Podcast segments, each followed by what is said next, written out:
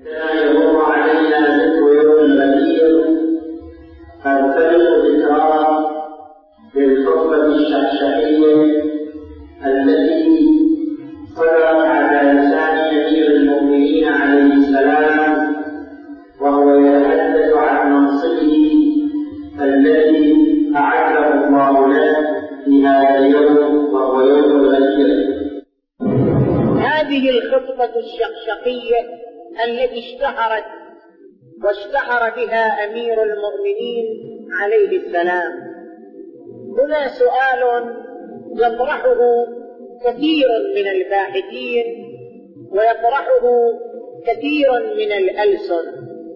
هل كان الإمام علي يحب منصب الخلافة حتى يتأسف عليه؟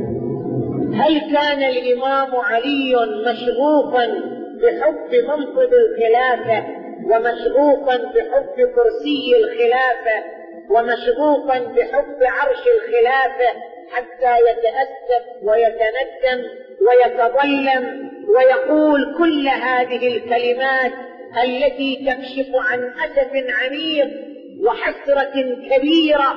كيف ذهب هذا المنصب؟ وكيف أخذ منه هذا المنصب؟ وكيف صبر ثلاثين أو خمسا وعشرين سنة؟ حتى قال فصبرت على طول المدة وشدة هل هذا كله حب وعشق وغرام بالمنصب والكرسي وهو الذي يقول عليه السلام لابن عباس ما قيمة هذا النعل؟ نعله. يخرج نعله ويقول لابن عباس يا ابن عباس ما قيمة هذا النعل؟ قال لا قيمة لها سيدي. قال إنها هذه النعل أهم عندي من إمرتكم لولا أن أقيم حقا أو أدفع باطلا. أمير المؤمنين الذي يقول وما أصنع بفدك وغير فدك. لما جاءت الخلافة إليه قالوا له أرجع فدكا فدك. نخيل له حصاد كبير له وارد جليل. أرجعه تستفيد من أمواله. قال وما أصنع بفدك وغير فدك والنفس مضانها في غد جدت أمير المؤمنين الذي قال يا بيضاء يا صفراء إليك يا دنيا غري غيري لقد بنتك ثلاثا هذا الشخص كيف يتحسر على منصب الخلافة وكيف يتظلم على فوات منصب الخلافة؟ وكيف يلقي هذه الخطبة الطويلة أمام الأشهاد وعلى منبر الكوفة؟ يتظلم على موت منصب الخلافة من عنده. لقد تقمصها ابن أبي فلان وهو يعلم أن محلي منها محل القطب من الرحى ينحدر عني السيل ولا يرقى إلي الطير. هنا ثلاثة أجوبة على هذا السؤال المطروح. الجواب الأول لا بد لكل أمة رشيدة ولكل مجتمع رشيد أن يدون تاريخ سلبياته وإيجاباته التاريخ لا يمكن إغفاله. التاريخ لا يمكن غض النظر عنه كل أمة تخطط للمستقبل كل مجتمع يخطط للأجيال القادمة. لا بد أن يدون تاريخه سلبياته وإيجابياته. جميع أحداث التاريخ لا بد من تدوينها حتى تقرأها الأجيال القادمة بكل دقة وبكل تأمل وتعرف مسيرة التاريخ بأبطاله وأقدامه ومنتصريه ومنهزميه. الأمة الرشيدة هي التي تكتب التاريخ هي التي تدون أحداث التاريخ. أمير المؤمنين عليه السلام من هذا المنطلق كان لابد أن يتحدث عنه. أمير المؤمنين رأى الناس رضيت بالواقع الذي عاش فيه. خمسا وعشرين سنة أمير المؤمنين لم تكن بيده أعضاء الخلافة ولا مقاليد الأمور ولكن الناس رضيت بالواقع ومشت معه وسايرته ولم تسأل ما هو برهان هذا وما هو دليل هذا وما هي الحجة على هذا. الناس رضوا بالتاريخ فلم يحاولوا كتابته ولم يحاولوا تدوينه ولم يحاولوا الوقوف على نقاطه. والتأمل في شتى حروفه نسوا قصة الزهراء نسوا قصة بدر نسوا ما جرى على علي عليه السلام. فاعتبروها أشياء مرت عابرة لا يجب التأمل فيها ولا يحسن الوقوف عندها. من هنا رأى الإمام علي أن مسؤوليته الشرعية تفرض عليه أن يتحدث عن التاريخ. تاريخ الخلافة منذ بدايتها وحتى ما وصلت إليه. رأى الإمام علي أن الأمة تريد أن تنسى هذا التاريخ تريد أن تسكل الستار عليه تريد أن تغض عنه حتى لا يعرف سقيمه وصحيحه وبطله وقدمه. لذلك رأى المسؤولية الشرعية تخطيطا للمستقبل وتنويرا للأجيال القادمة وتوعية لكل باحث إذا أراد أن يقرأ صفحة التاريخ رأى من مسؤوليته الشرعية أن يتحدث عن تاريخ الخلافة. كيف بدأ؟ وكيف انتهى إليه؟ صلوات الله وسلامه مسؤولية شرعية الحديث عن التاريخ ربما يأتي أجيال قادمة يقولون نعم علي رضي بالواقع كما رضي غيره. علي لا كما قالوا هم قالوا أيضا كذلك. علي بايع كما بايع غيره. ورضي بالواقع كما رضي غيره. فمعناه أن المسيرة كانت مسيرة قويمة ومسيرة صحيحة ومسيرة عاجلة لأن عليا بايع ورضي كما رضي غيره. علي أراد أن يقول لا هناك موقف وهناك مصالح وهناك مزاحمات لا بد أن أتحدث لكم عن التاريخ حتى تكتشفوا فلسفة سكوت حتى تكتشفوا فلسفة عدم مقاومتي حتى تكتشفوا فلسفة مسايرتي كانت لها فلسفة مبنية على رعاية المصالح العامة للمجتمع الإسلامي. لأسالمن ما سلمت أمور أمور المسلمين ولم يكن جور إلا علي قام إذا من واجبنا كأمة أن نقتدي بعلي عنه أن نكتب تاريخنا بسلبيات أن نكتب الأحداث التي تمر علينا وما صار فيها وما جرى فيها وأبطالها وأقسامها حتى تستفيد الأجيال من هذا التاريخ وحتى يعرفوا فلسفة التاريخ والعوامل التي تحكمت في مسيرته نهوضا واستخفاقا بروزا ونزولا حتى تعرف الأمم بعدنا مدى تاريخنا؟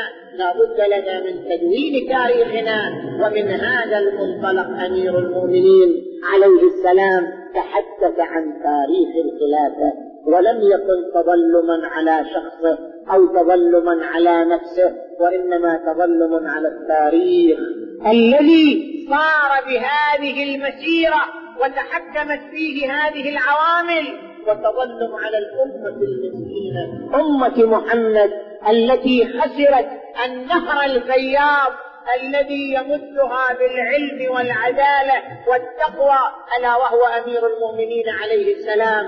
كما قالت الزهراء عليه السلام أنا زحزحوها عن رواسي الرسالة وقواعد النبوة والدلالة ومهبط الروح الأمين والطبن بأمور الدنيا والدين. ألا ذلك هو الخسران وماذا نقم من أبي الحسن؟ ما هو العيب في أبي الحسن؟ وماذا نقم من أبي الحسن؟ نقم منه والله نكير سيفه. وقلة مبالاته بحذفه وشدة وطأته ونكال وقعته وتنمره في ذات الله. أما والله لو سلموها أبا الحسن. لسار بهم سيرا. سجحا. لا يكلم خشاشه ولا يمل راكبه ولا أصدرهم بطانا ونصح لهم سرا وإعلانا. الإجابة الثانية عن هذا السؤال. تعرفون أن أساس الخلاف بين المذهب الشيعي وبين المذاهب الأخرى هي كلمة. هل الخلاف بالنص أو بالاتفاق؟ هذا هو أساس الخلاف. من قال أن الخلافة بالنص فهو شيعي. ومن قال أن الخلافة بالانتقام فليس بشيعي. الخلافات الأخرى خلافات فرعية جزئية الخلاف الأساسي الذي يفصل الشيعي عن غيره هو هذه الكلمة. هل الخلافة بالنص أو الخلافة بالانتقام هي هذه الكلمة الفاصلة.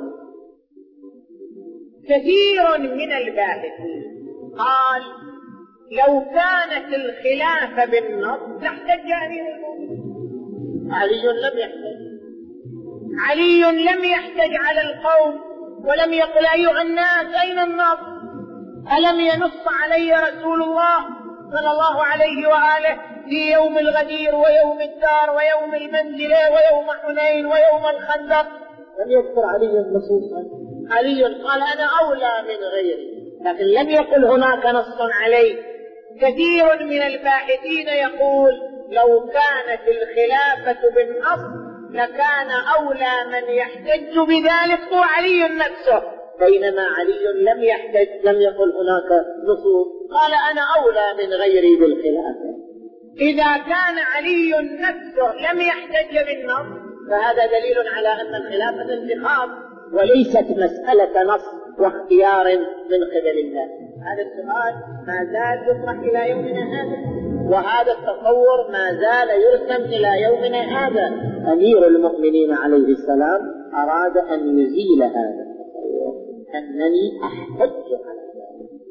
لا تتصوروا أنني لم أحتج بل احتججت على الوضع بل احتججت على ما حصل وما صار. فإن كنت بالشورى حججت خصيمهم فكيف بشورى والمشيرون غيبوا. وإن كنت بالقربى وإن كنت بالقربى حججت خصيمهم فغيرك أولى بالنبي وأصحابه أمير المؤمنين قد احتج والاحتجاج الواضح على أن خلافته بالنص هو هذه الخطبة الشرعية إذا الخطبة الشقشقية لم تصدر عن علي جزافا ولم تصدر عن علي لمجرد حسرة أو لمجرد غليان عاطفي أو لمجرد آه، شوق نفساني لا. صدرت عن علي كاحتجاج أن الخلافة بالنص وليست الخلافة بالانتخاب الغرض من الخطبة الشقشقية أن يحتج علي على ما صدر ليبين أن الخلافة بالنص وليست الخلافة بالانتخاب وين موضع الاحتجاج؟ موضع الاحتجاج في آخر هذه الخطبة لاحظوا عبارة أمير المؤمنين عفوا في أول هذه الخطبة. لاحظوا عبارة أمير المؤمنين عليه السلام.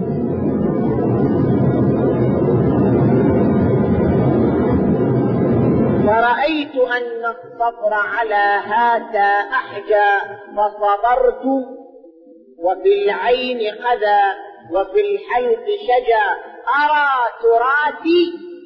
تراثي. ما معنى كلمة التراث؟ هذا معنى. أرى تراثي نهبا الإمام أمير المؤمنين عليه السلام يشير إلى مفهوم قرآني. ما هو هذا المفهوم القرآني؟ هذا المفهوم القرآني هو الذي قال عنه تبارك وتعالى إن الله اصطفى من؟ هناك جماعة اصطفاهم الله يعني اختارهم اختارهم للإمامة. إن الله اصطفى آدم ونوح. وآل إبراهيم وآل عمران على العالمين. من هم آل إبراهيم ومن هم آل عمران. ذرية بعضها يعني تراث متواصل من إبراهيم لأولاده من أولاده إلى النبي محمد صلى الله عليه وآله. من محمد صلى ذكره الصلوات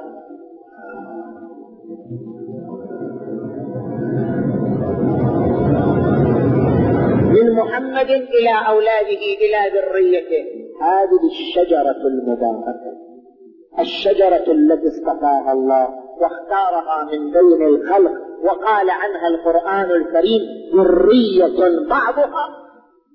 يعني بعضها يرث بعضا بعضها يلي بعضا ذرية بعضها من بعض. هذا هو التراث أرى تراثي نهبا أنا من الشجرة التي اصطفاها الله وأمدها بالعلم وأمدها بالعصمة وأمدها بالتقوى وأمدها بجميع المواصفات واختارها ونص عليها فأنا من هذا التسلسل أنا من هذا التراث أنا من هذه الشجرة أرى تراثي نهبا أنتم تقرؤون في زيارة الحسين عليه السلام ماذا؟ السلام عليك يا وارث. وارث آدم صفوة وارث نوح نبي الله. وارث إبراهيم خليل الله. وارث موسى كريم الله. وارث عيسى روح الله. وارث محمد حبيب الله. وارث أمير المؤمنين علي ولي الله. مسألة شجرة متسلسلة. اختارها الله واصطفاها بالعلم والعصمة إذا إذا كنت أنا من هذه الشجرة من أهل البيت الذين اختارهم الله واصطفاهم للإمامة فهذا تراثي. أرى تراثي؟ إذا الإمام أمير المؤمنين من خلال هذه الفقرة يبين أن الخلافة اختيار من الله. الخلافة اصطفاء من الله. وليست الخلافة بالانتخاب وليست الخلافة بالشورى إعلان. فيا إخوان إذا كان علي قد أصر على الإعلان 25 سنة وهو يصر على أن الخلافة بالنص وليس إلى أن أمسك بزمام الخلافة ومع ذلك صعد المنبر وتلا هذه الخطبة الشقشقية. الخلافة بالنص. لا بالانتقام. إذا كان علي يصر على ذلك فكيف نحن لا نسير على مسيرة علي؟ وكيف لا نحتفل بعيد يوم الغدير لنعلن للأمة جمعاء أننا ما زلنا على الخطبة الشقشقية؟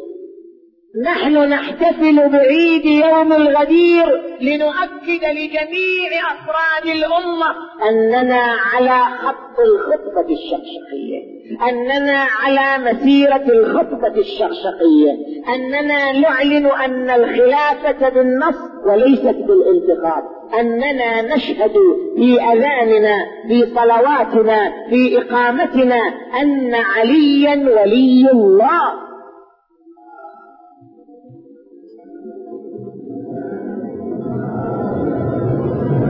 أن عليا أمير المؤمنين.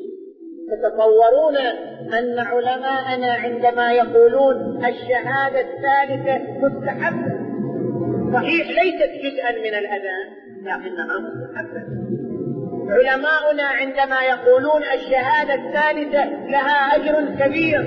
السيد الحكيم قدس سره في كتاب المستمسك يتحدث عن الشهادة الثالثة ويقول أصبحت الآن شعار التشيع في أعصارنا هذه. الشهادة الثالثة شعار التشيع. لماذا؟ لأن الشهادة الثالثة هي الخطبة الشخصية لأن الشهادة الثالثة هي يوم الغدير. لأن الشهادة الثالثة امتداد لهذا الصوت وامتداد لهذا الخط وامتداد لهذا النهج.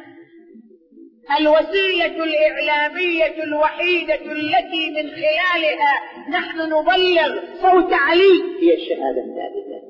الوسيلة الإعلامية الوحيدة التي من خلالها نبلغ صدى علي ونبلغ كلام علي هي الشهادة. الثالثة فالشهادة الثالثة مستحقة وذات أجر وذات ثواب لأنها تبرز صوت علي وتؤكد يوم الغدير بحيث لا ينسى ولا يتناسى ولا يغفل عنه ويوم الدوح دوح غدير أم أبان له الخلافة لو أطيع ولكن الرجال تدافعوها فلم أر مثله حقا أضيع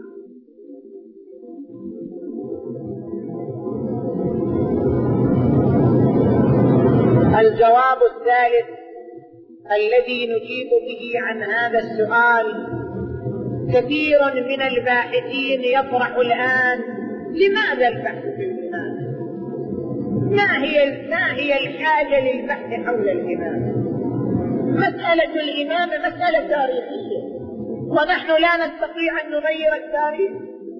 علي كان يرى نفسه أولى بالخلافة وغيره تصدى للخلاف ورضيت الناس بالواقع الذي عاشت فيه. ومشى التاريخ على هذا ونحن لا يمكننا تغيير التاريخ. هكذا التاريخ مشى فلماذا البحث في مسألة تاريخية عفى عليها الزمن؟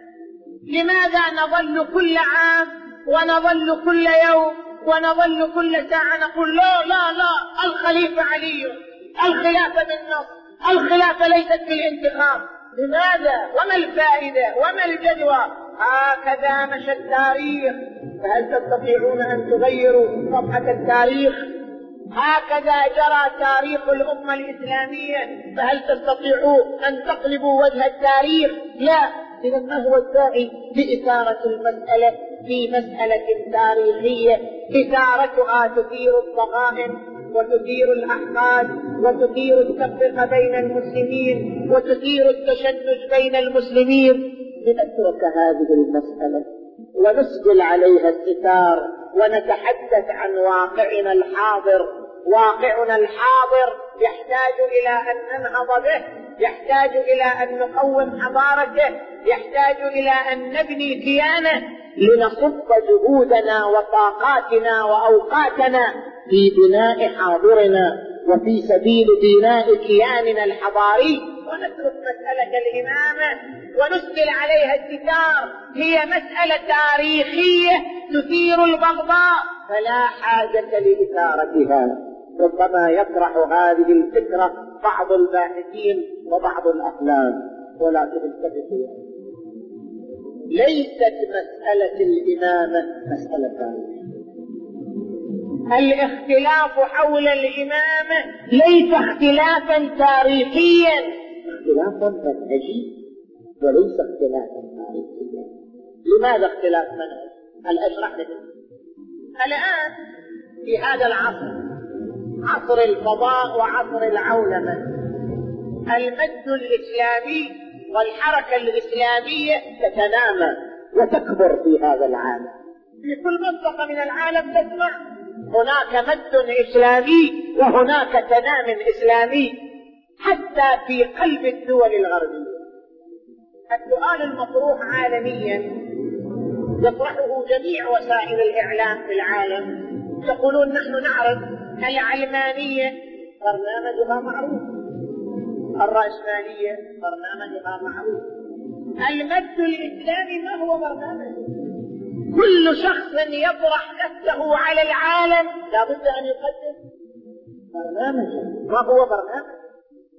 هناك ثلاثة أسئلة تطرحها وسائل الإعلام. ما هو برنامجكم في الحكم ما هو برنامجكم في الاقتصاد؟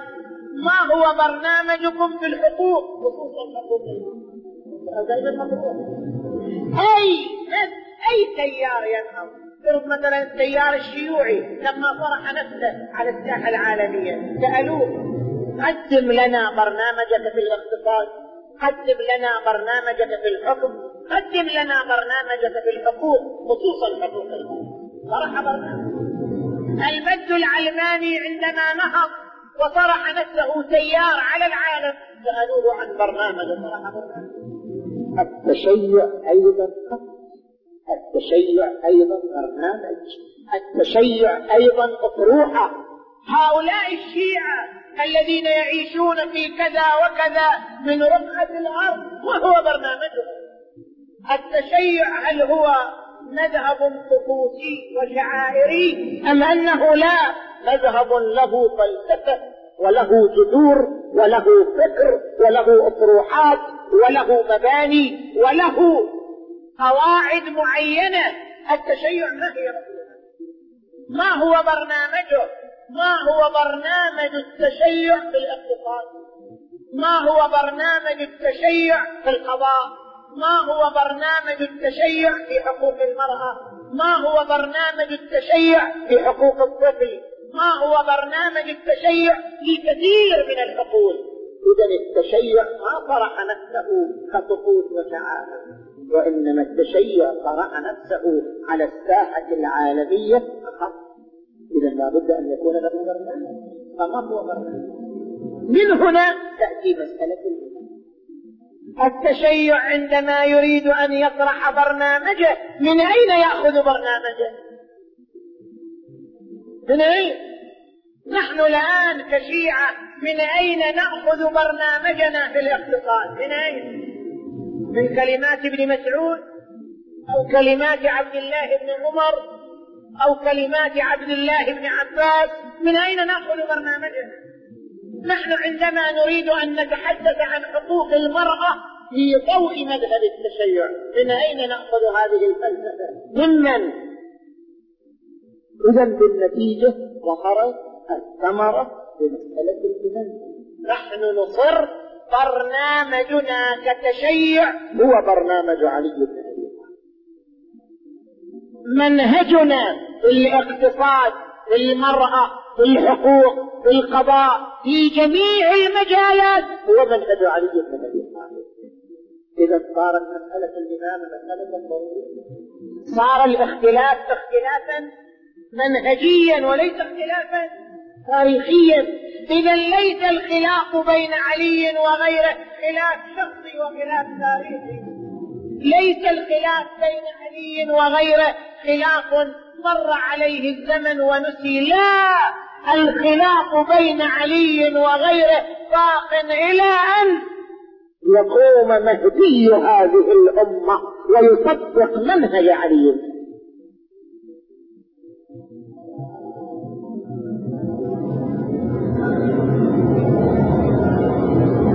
خلاف علي وغير خلاف منهجي.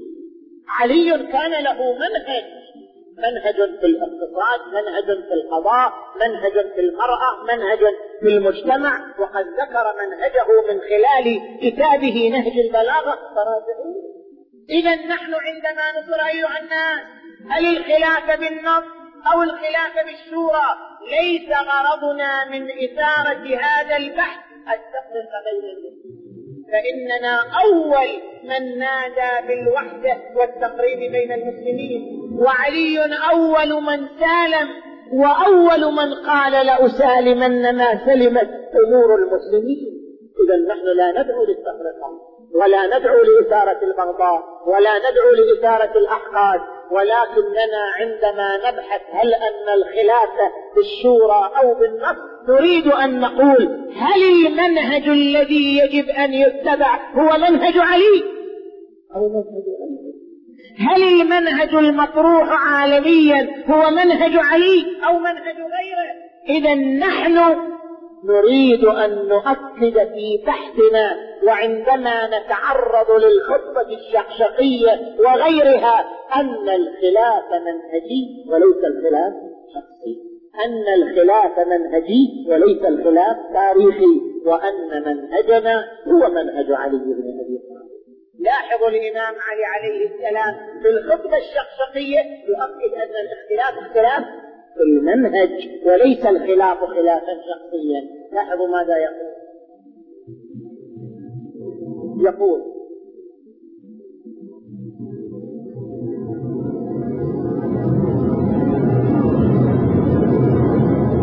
أما والذي فلق الحبة وبرأ النسم لولا حضور الحاضر وقيام الحجة بوجود الناصر وما أخذ الله هذا هو منهج علي عليه السلام.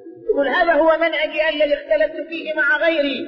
وما أخذ الله على العلماء أن لا يقاروا على فضة ظالم ولا على سغب مظلوم. لألقيت حبلها على غاربها ولسقيت آخرها بكأس علي عليه السلام يقول يشرح منهجه. وقام معه بنو أبيه يخضمون مال الله خضمة الإبل. نفسة الربيع. إلى أن انتكس فتله. وأجهز عليه عمله. يعني هذا العمل غير صالح. هذا المنهج مرفوض عندي. منهجي يختلف عن هذا المنهج. ولذلك أنا أتكلم في هذه الخطبة الشخصية باختلاف منهجي عن هذا المنهج. يقول في نفس الخطبة ومني الناس. يعني المنهج هذا أثر على الناس. المنهج الذي لا أرتضيه أثر على الأمة.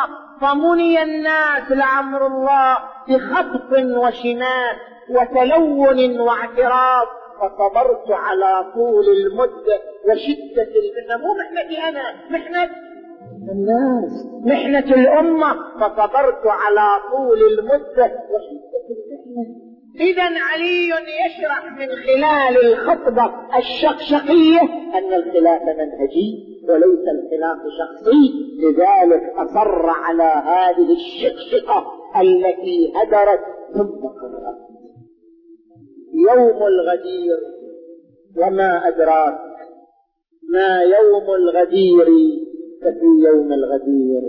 غدير أم لقد نص الرسول على الأمير أتى جبريل من رب البرايا بأمر جل من أمر خطير. هناك دعا اللهم وال وليه وكن للذي عادى عليا معاديا عندما يمر علينا يوم الغدير فهو يوم البيعة يوم المعاهدة الذي نعاهد فيه علي بن أبي طالب على أن منهجنا منهجه وخطنا خطه وسبيلنا سبيله وعلى أننا على إمامته حتى يقوم مهدي هذه الأمة. فيملا الأرض قسطا وعدلا كما ملئت ظلما وجورا. اللهم اجعلنا من العلويين. اللهم اجعلنا من المهديين. اللهم اجعلنا من السائرين على خطاهم والمقتفين إثر سبيلهم. يا رب العالمين اللهم بحق الزهراء وأبيها وبعلها وبنيها والسر المستودع فيها. اللهم